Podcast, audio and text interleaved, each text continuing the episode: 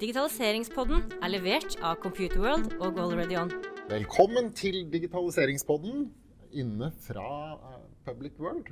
På Oslo Kongressenter fremdeles. Ja, med Dag Rustad og Jens Christian Bang. Som vanlig. Og i dag skal vi snakke om uh, grønn kode. Det, Skjønte du noe av det? Ja, når vi fikk eh, forklart det, så skjønner vi hva det er. Men hva, når du bare sier grønn kode, så er jo det Det kan jo bety så mye. Du har sett foredraget? Jeg har sett foredraget. Ja, Men vi skal- at vi skal gjengi det, tror jeg ikke blir så bra. Det, det tror jeg ikke vi er direkte kandidatene til. Men vi, vi skal klare å, å, å ha en prat med en som kan dette. Straight from the horse's mouth. Yes. Ja. Og da skal vi til Anders Nordås. Director Software Leadership i Avinade. Velkommen. Tusen takk. Hyggelig å være her. Ja. Anders, du, eh, ikke bare er du IT eh, Jeg vet ikke om vi skal kalle det ordet nerd, men IT-entusiast eh, til din hals. Du lever og ånder for mye av dette. Men du har jo en bakgrunn som er litt eh, annerledes enn IT. Også. Det er jo alltid viktig å ha gjort litt andre ting i livet. Så jeg starta, samtidig som jeg starta IT-karrieren min, så hadde jeg en eh, parallellkarriere som DJ. Eh, og spilt, uh, spilt mye rundt omkring på mange nattklubber. Så jeg har sikkert spilt for noen av dere som hører på podkasten akkurat nå også. Sier du det, ja? I, I Oslo for, først og fremst, eller?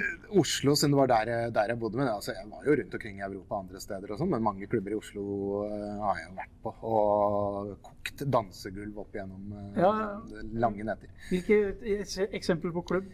Altså, jeg tipper at noen av lytterne deres en gang i tiden var på Head-On. Eh, Det kan av at gøyeste en av programlederne også har vært der. Ja. Men kan kan jeg komme med et spørsmål? Jeg må stille spørsmålet her, for jeg tør ikke å spørre det stille offentlig. Men hva gjør en Hvorfor er en DJ liksom det samme som en musiker? Altså Når du snakker om eh, Kygo f.eks., som fyller opp uh, gigantiske steder og hva, tilfører musikken, bortsett fra å sette på en CD? Det, det, det, det, var, eh, var et veldig godt spørsmål. Altså, i, I min tid så spilte jeg jo eh, utelukkende vinyl. Eh, og på, på den tiden så var det jo Det, det er mye, mye teknikk eh, i det. Å få ting til å gå i samme, samme takt og tone og, og sånn og samtidig. Fra at den det ene sangen til den neste. blander seg sammen til lange ting. Men det, det er jo ikke hovedsakelig det det handler om. Det handler om å velge de, de gode, riktige låtene som treffer noe hos publikum og, og får uh, følelsen i det. Og egentlig ta med folk litt på en reise gjennom natten. Så, sånn sett. Og det, Og ikke minst skyfle de bort til barn, så de får solgt uh... du vet hva, jeg, jeg lar jo mye prestisje holde folk unna barn og ute på dansegulvet. Men, men blir det tilført noe mer? Legger du på noen flere lag med noen trommer eller andre instrumenter? Eller er det Ja, altså, altså Nå er det veldig mange som gjør det. Vi begynte så vidt med det i, i min tid eh, også. Eh, og det har vel litt med det at dere kan sitte her og lage radioshow nå, liksom. Mm. tilbake på den tida så var det jo sånn da var det jo, Du måtte minst være nærradiostasjon for å gjøre det dere gjør nå. Eh, konsesjon og hele greia? Ja. Ikke, sant, ikke sant? Men eh, det, så har jo ting blitt så veldig demokratisert. Så nå kan jo du har et musikkstudio på telefonen din. Så du, um, de fleste kan jo gjøre sånne ting eh, i dag. Eh, Da jeg starta med det her, sånn, så, så trengte du en god del utstyr. og det- Det var jo, var jo dyrt, men eh, det var alltid gøy å ta gamle låter og legge på litt ekstra trommer og, og sånn, og få sin egen liten sånn eh, vri på det. Men, For du har brukt en synt Nei, vet du hva? Jeg brukte spolebåndspiller. Og satt Ah. altså, limte sammen, med, klippa med saks og teipa sammen eh, selve kassettbåndene. Og sånn for å utvide ting. Så det, det var håndarbeid, Også. Men du hadde jo sånn åttespors eh, spolespiller også, sånn at du kunne legge på flere Ja, men huske at jeg var, da, på den tida der sånn, så var jeg sånn de tidlige 20-åra. Jeg hadde mm. dårlig råd. Jeg hadde ikke råd til en åttesporspiller på den, den tida. Da før jeg hadde begynt å jobbe i IT-bransjen og fått en ordentlig lønn. Men eh, hyggelig eh, å ha deg her, Anders. Vi, vi må litt over på selve foredraget du har holdt på World. For det var jo en eh, Jeg vil påstå vi traff en nerve eh, som kanskje ikke mange tenker over i hverdagen. Ja, og det, det er en sånn ting som alltid gleder meg når jeg holder det foredraget her, sånn, er det at eh, det er en øyeåpner for, for folk. For det, det jeg snakker om, er jo rett og slett det vi lager. Altså programvare og software og skyløsninger og alt, eh, alt sånt. Og at det faktisk har et fotavtrykk i, i verden. Det, Da tenk, når du sier fotavtrykk, hva tenker du da? Altså, det, rett og slett, det bruker, vi bruker strøm. Vi forurenser. Vi produserer eh, elektronisk avfall i store mengder. Men, folk, men man ser jo ikke det her. ikke sant? Fordi at det, programvare er jo egentlig bare tanker satt i systemet og putta inn i en uh, datamaskin. Så det er veldig lite håndgripelig. Mm. Men selv med de tingene når vi lager nettskyløsninger og sånt, så, så, kjører jo de, den programvaren på en eh, server i et stort datasenter et eller annet sted i, i verden. Så selv om eh, ting har blitt mye mer effektivt og som skyer, så har det fortsatt en betydning hvordan vi gjør ting. Men footprint, eller fotavtrykket, det, blir det koblet til personen som forbruker dataene? Eller til de som leverer det? Det, det, er et godt spørsmål. Det kommer litt an på hva, hva, man driver med. Det går an å regne tilbake det. Men bare for å gjøre, få det litt sånn enkle bildet av det, så på sånn optimistiske estimater så er eh, alle CO2-utslippene i verden nå kan man spore tilbake til IT-bransjen i en eller, annen, eh, en eller, annen, variant. Og det er de optimistiske estimatene. da. Mm. Så ligger det i hvert fall på det dobbelte i det litt mer sånn pessimistiske. Og der eh, vokser, eh, vokser jevnt og trutt. Og vi regner med sånn rundt 2040 eh, så kommer vi til å være oppe på 14% av alle verdens CO2-utslipp kommer fra IT. og bare for å sette det litt i sånn perspektiv, da, så er 4% som er det liksom optimistiske vi er på nå, det er større enn all flytrafikk i hele verden sine ja. større utslipp enn det. Og det er jo det man snakker mye om, den derre skammen. Reiseflyskam. Ja. Skal ikke, skal ikke, fly på ferie. Nei. Nei. Men, men vi, kan sitte, vi, kan sitte, og spille Candy Crush til langt utpå natta. Uh, ja, Men blir det sammenlignbart, da? Jeg tror, jeg tror, du trygt kan spille eh, Candy Crush eh, ja, dag. Det, hvis du koser deg med det, men Det var et eksempel. ja, Det er andre som spiller. Ja, de, jeg kjenner en som spiller Candy Crush. Ja. Nei, men altså det, det, jeg tenker, er jo det at, eh, at uh, vi driver jo primært ikke med forurensning i IT-bransjen. Det er jo ikke det som er hovedbusinessen vår. Det er jo å levere, um, levere gode produkter og tjenester til folk. Sånn som Candy Crush, som du åpenbart koser deg godt med. Og, og det, det, har jo en verdi i, i, i seg selv. Så det at, at det, det, har et avtrykk, det må vi nok forvente. Men litt ved å skape bevissthet rundt det, så kan vi kanskje tenke litt over hvordan vi gjør ting, og hva vi, hva vi gjør, og få et litt mer bevisst forhold til det. Er vi da over på koding, eller snakker vi om eh, slutt, uh, sluttbrukernes forbruk? Alt av dette her. som Totalitet? Det. Eh, altså det, men i dette foredraget, som eh, oftest holder for eh, publikum på mer IT-orienterte mm. konferanser, så er det alltid gøy å holde det nå for et litt annet publikum. Eh, sånn sett så, så, handler det jo mye om kode og hvordan vi lager løsningene våre. Um, og dette er jo egentlig et oppfølger til et foredrag som jeg holdt i 2009. Mm. Uh, hvor, jeg, hvor, jeg, stilte meg selv det spørsmålet som der er hvordan kan kode påvirke miljøet, mm. uh, rett og slett. Så nå er vi ned på utvikleren. Ned på utvikleren. Programmereren. og, hva, hva man kan gjøre da. Og litt av de tingene som som fant eh, da, var litt sånne smarte ting. Altså, et, et, av eksemplene jeg brukte da, var fant bl.a. en case med et, eh, et, budselskap som hadde optimalisert uh, ruteplanleggingsalgoritmene sine, sånn at de alltid tok en høyresving når de kom i kryss. Mm. Uh, som gjerne kunne føre til litt lengre ruter, men de brukte mindre drivstoff fordi de, de, det var ikke så mye stopp og mm. start og sånn igjen i det. Um, så vi hadde en del sånne eksempler. men nå, eh, litt over ti år etterpå, så, så, har vi fått et helt annet forhold til hva det egentlig vil si å være grønn.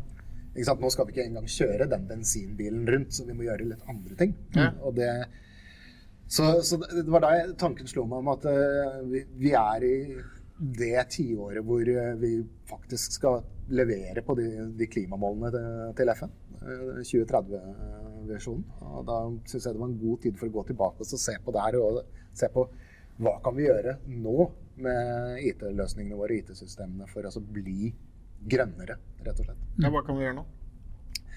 Vi kan gjøre mange ting. Eh, det, første handler om det her å få bevisstheten rundt at vi faktisk, at vi faktisk, det vi gjør, har et avtrykk av havnen vår. Og det er liksom første steget som jeg har gitt mange et innblikk i, i nå. Så handler det litt om å forstå betydningen av de valgene vi tar. For det når vi utvikler et IT-system, så står vi overfor en hel rekke forskjellige valgmuligheter. Eh, og noen av de aha-opplevelsene jeg selv fikk da jeg begynte å jobbe med det materialet her og gjøre research, var det at, um, at uh, valg av noe så enkelt som hvilket programmeringsspråk bruker du til forskjellige ting, yeah. kan ha kjempestor betydning. Mm. Så, og Ja, fortell litt om hvilke programmeringsspråk er det som er best og verst? Eh, Ja, eh, de, beste er som regel de enkleste i det her, sånn, de som er eh, tettest på metallet. og sånn sett. Så, så det har vært mange old school, gamle grå menn som har kommet og heia på meg for det at jeg nevnte C som programmeringsspråk i dag.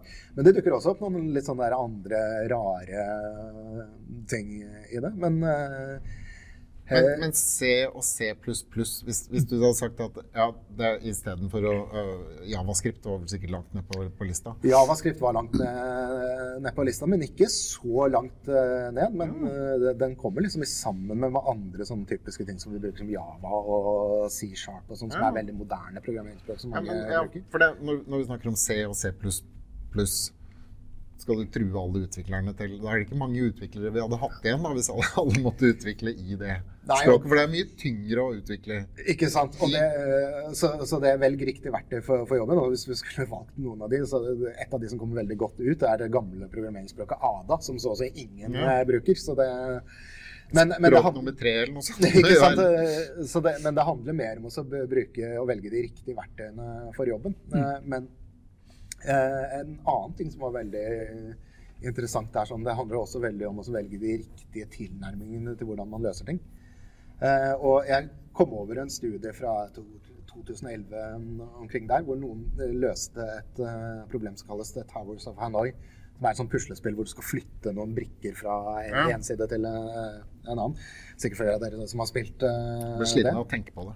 ikke sant? Ja. uh, typisk sånn, sånn som oss programmerere elsker sånne pro problemstillinger og lage algoritmer for det. Og der finnes det flere forskjellige som, som anses å være jevngode i hvor raskt de løser problemstillingen. Eh, og der var det noen forskere som tok for seg disse her sånn, men istedenfor å måle hvor raske de var, så målte de energiforbruket til det her. Eh, og mellom de to liksom, beste eh, algoritmene så var det fem ganger så høyt energiforbruk på den ene sammenligna med den andre. Og det er en liten sånn aha-opplevelse rundt eh, hvilke, hvordan vi designer ting, rett og slett. Eh, har enorm innvirkning på, på ting. Og det, Ja, det er jo spennende. det Men var det i det eksempelet var det noe uh, forklart mer praktisk hva de hadde gjort? Altså, Var det en smartere algoritme? Eller Ja, ikke sant. Og her kommer vi inn i det, det hvor det går litt forbi det å bare programmere ting. For det at eh, moderne hardware og moderne operativsystemer alle disse tingene her sånn gjør ting ekstremt effektivt. Eh, og en annen, eh, en annen eh, ordentlig gladhistorie der sånn er jo Microsoft eh, Teams-teamet. Mm. Gjorde noe så enkelt som også oppgradere til nyeste versjon av .NET-rammeverket, altså den programmeringsplattformen som de Server-side, eller? utvikler på, server-side, Ja. i, mm, i tjenestene sine, og opplevde et sted, sted noen og 30 eh, energieffektivitetsforbedring på det, bare ved å bytte plattform. Og egentlig vedlikeholde sin egen programvare. Men en av de andre tingene de også så, var det at de reduserte kostnadene sine på Asher sine skytjenester med 29 ved å gjøre det her. Mm. Og det synliggjør litt, litt det som ligger bak det her. Det er- Hvorfor gjorde de det ikke før?